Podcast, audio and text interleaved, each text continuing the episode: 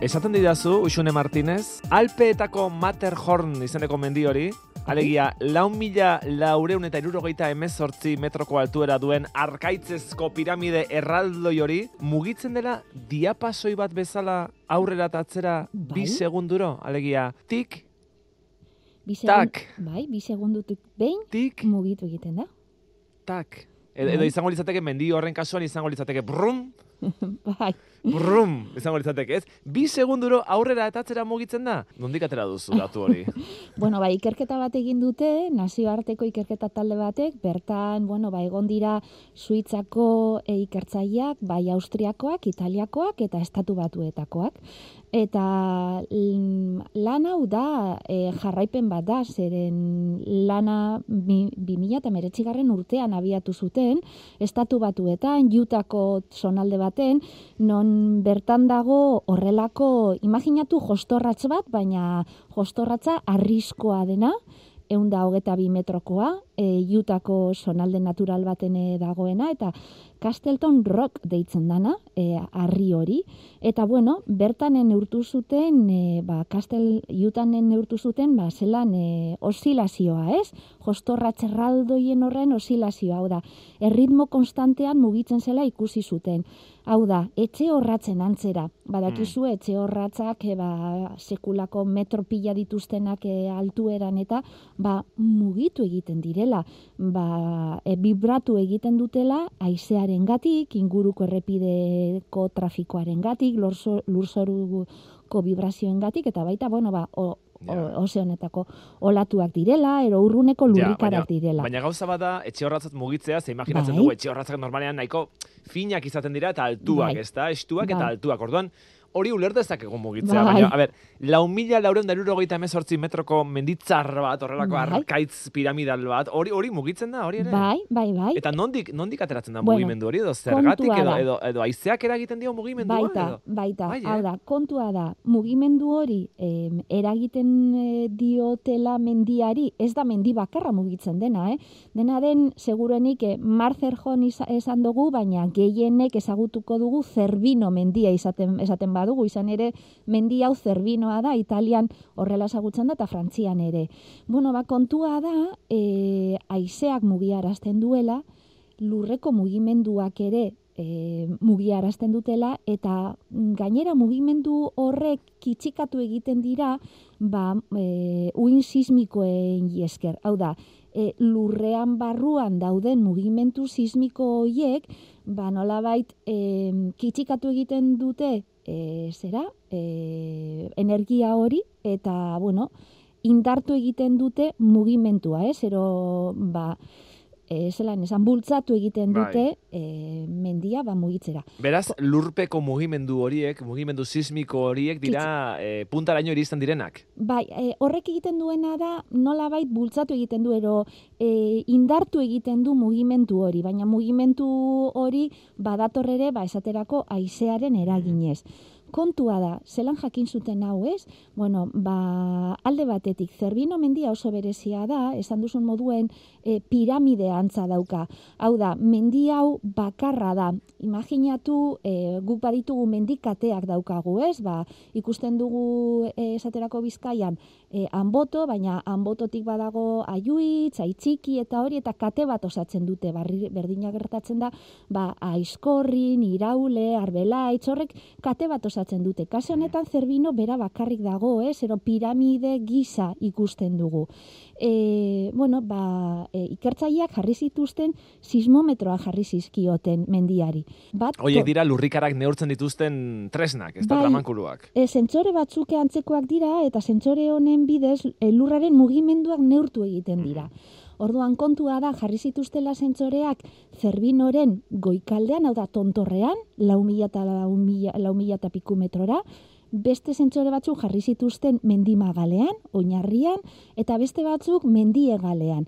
Mendiegalean jarri zituztenak, ba, horrelako em, aterpe antzeko baten, bueno, ba, zulo baten eta jarri zituzten.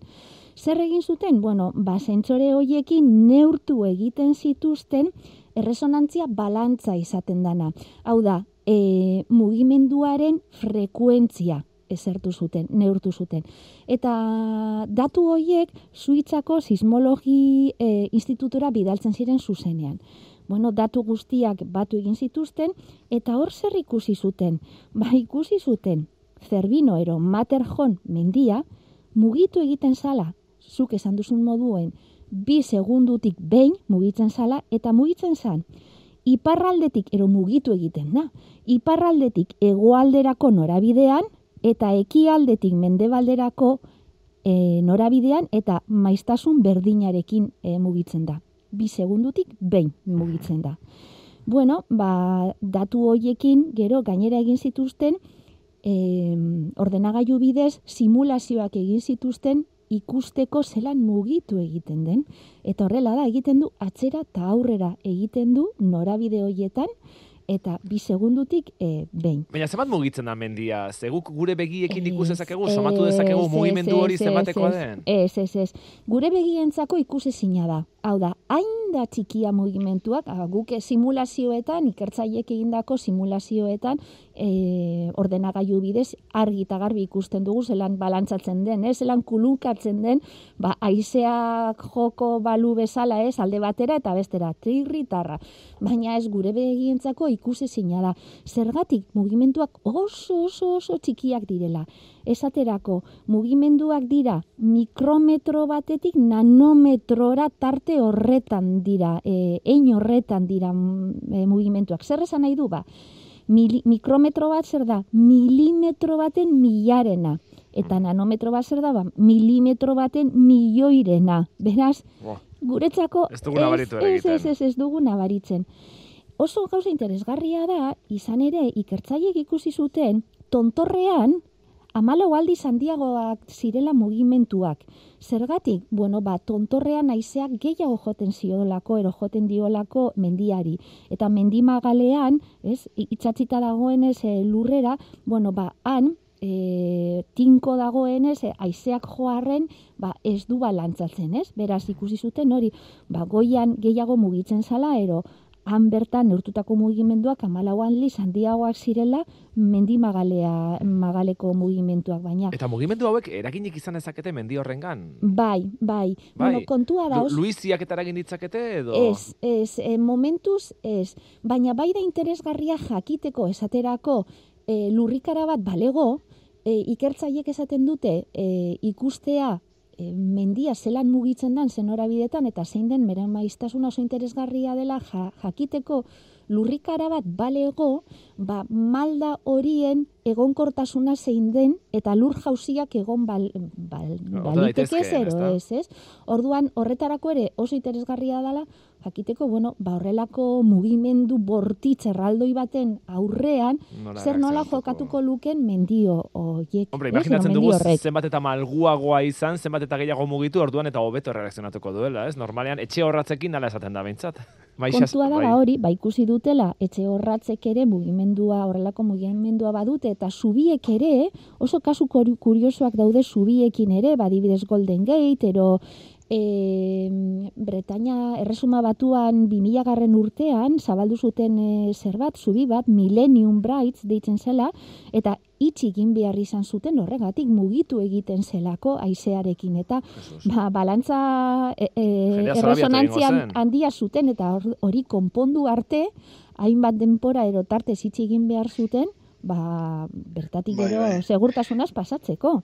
Amen, ba. amen, amen, e, Golden Gate e, e, diseinatuta dago mugitzeko. Ba, ze, bueno, e, e, adibidez, ba, trafikoak, edo, ba, amen ganera San Franciscon, e, kristo naizea dago beti, bai. eta justo ganera alde horretan asko moten du, beraz, trafikoagatik eta aizeagatik, diseinatu zuten Golden Gate mugitzeko gora eta bera, baina ez e, milimetro bat, baizik eta iru metro. Gora eta bera iru metro, bai. eta aldeak mugitzen dira e, zein metro. Ere bai, horretarako diseinatu egin zuten. Eta zuk Golden Beraz, Gatean bai. zoazenean nabaritzen duzuzuk mugimendu hori? Nabaritzen da zubia mugitu egiten Bueno, ez, Ez, mugitze, nabaritzen duzuna da, izea, base da, izugarria. baina, baina bai, e, ko, kotxearekin zoa zenean, bai, bai nabaritzen duzula mugimendu. Bai, eh? Ganera, ganera ni bizinaz, e, Golden Gateetik oso gertu, ibiltzen joan naiteke Golden Gatera. Beraz, egin dut, e, era guztietan, ja, na, e, gurutzatu dut ibiltzen, bizikletas, kotxearekin, aspitik ere bai, eta gero, jende gitzik daki, baina batzutan, e, aizea ona denean, eta e, korrontea ona denean e, itxasoan, Golden Gatearen azpian dagoen ura surfeatu daiteke ere bai. E, badauze egun batzuk oso gutxi dira urtean, baina, baina bai, askotan e, ikusten da olatuak. egun hoietan, bai, olatuak surfeatzeko modukoak. Eta jende asko joaten da horra, Fort Point deitzen dana, horre askotan agertzen zen zonalde hori, e, eh, Hitchcocken pelikuletan. eh, pare bat pelikuletan eh, alde hori filmatu egin zuen, bai. bai. Tira. Ai, Maixa. Bai. Zuk gustoko duzu zure lana, ezta? Nik asko, bai. Uxune, eta... zuk? Bai. Baita ere, gustoko bai. duzu zuen lana, ezta? Bai. Eta bai, zergatik gustatzen zaizu zuen lana? Bueno, ba, alde batetik, eh, aukera ematen didalako eh, hainbat gauzen inguruko zergatia eta ezagutzeko, ez? Eh, zientzia komunikazioan eh, diardut eta orduan, bueno, ba, horrelako ikerketa eh, interesgarriak eh, ezagutzen ditut eta inguruan dudanari erantzuna ematen diote hoiek, ez? Eta maixa zure kasuan? Nik ez dut spoilerrik egingo, bazen buruz hitz egingo dugu justo, eta bukaeran emango du datu. Ados, ados, ados. Hori ikertu egin dute, ezta? Zer behar duen lan batek ona izateko?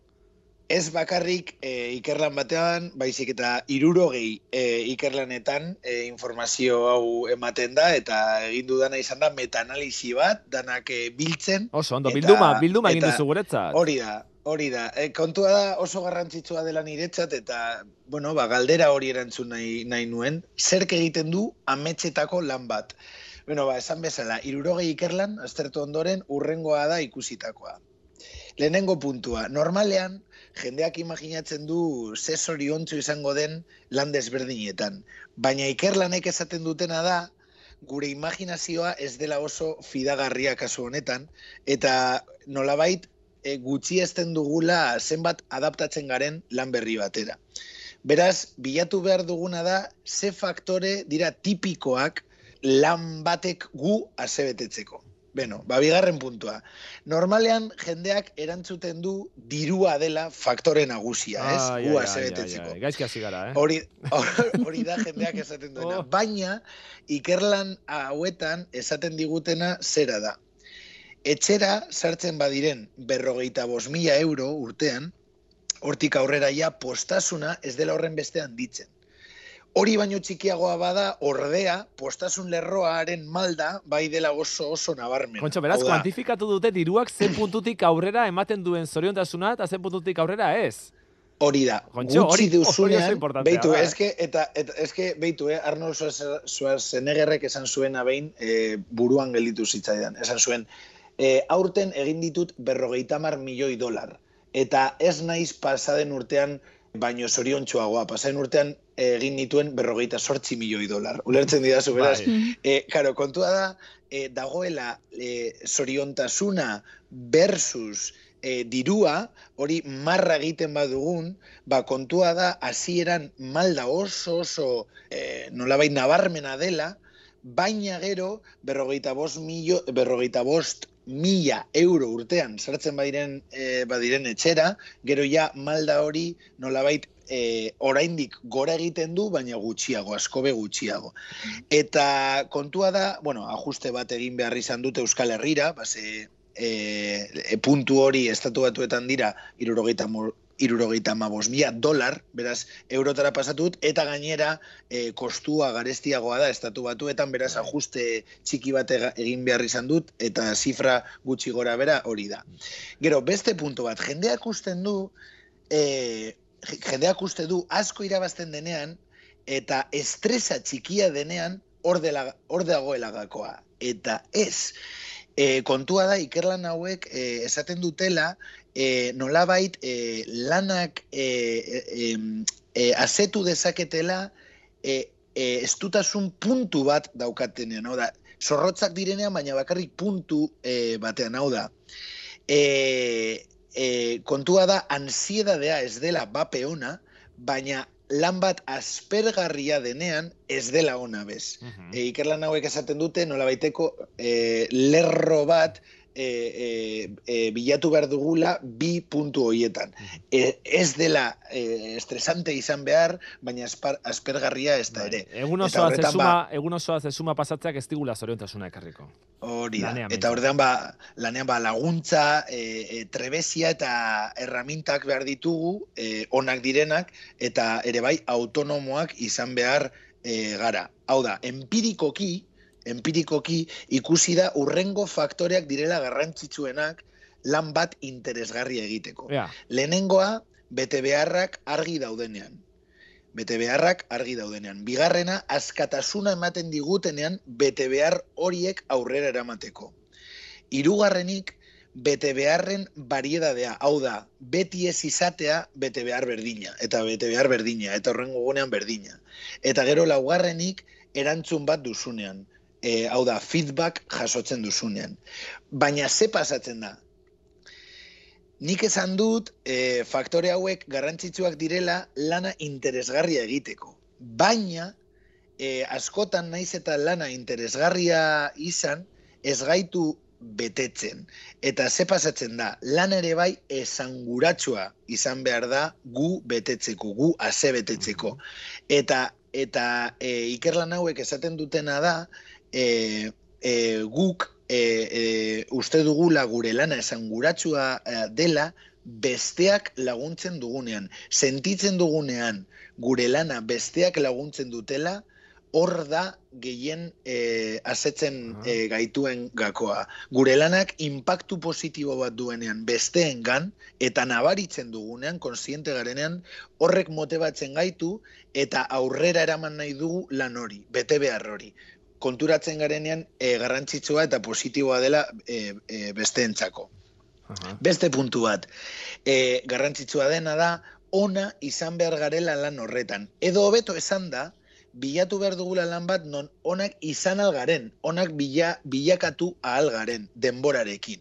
Ez ja e, makina batzuk garenean, baizik eta evoluzio bat ikusten dugunean, eta etorkizunean ba, makina batzuk e, bilakatu algarenean lan horretan. Adibidez, e, ba, ni ez, ez e, naiz eta e, oso gustoko izan, zer dakin saskibaloia, ba, inoiz ez nintzen ona izango saskibaloian, esate baterako.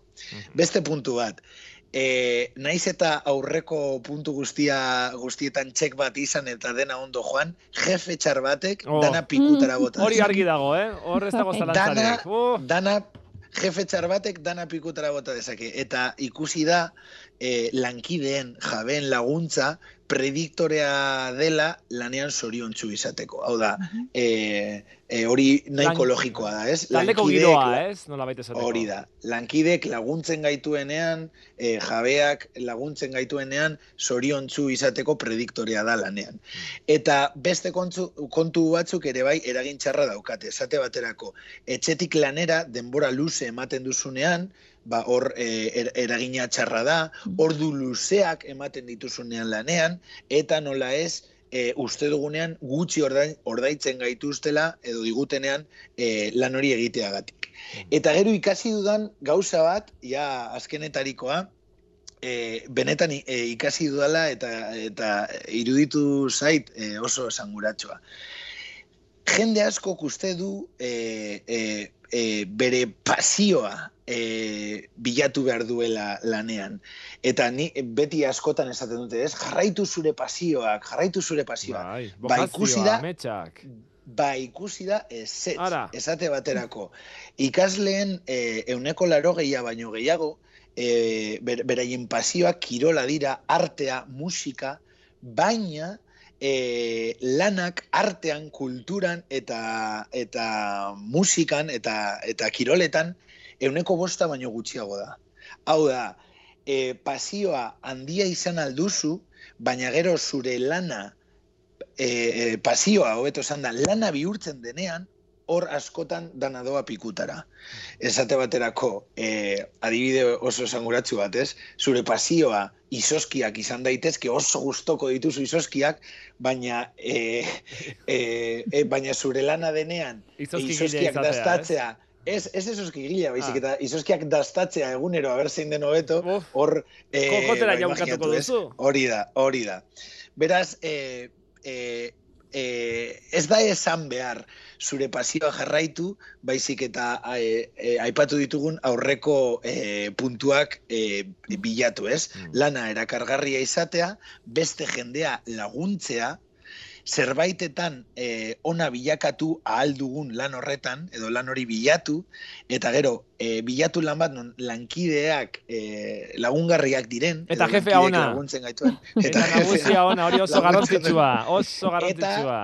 nola ez baldintzak bidezkoak direnean, zentzuzkoak direnean, hau da, ordu kopurua, opor, oporrak, eta bar. Beraz, eta, eta zure pasioa jarraitua ez da ingarrantzitsua, baizik eta lortu erabilgarriak diren erramintak eta erabili erraminta horiek besteak laguntzeko. Hori da. Hori da, bilakatu ona lanean eta lagundu besteak eta baita ere mundua. Ametxetako lan bat egiten du. Irurogei ikerlan irakurri eta gero.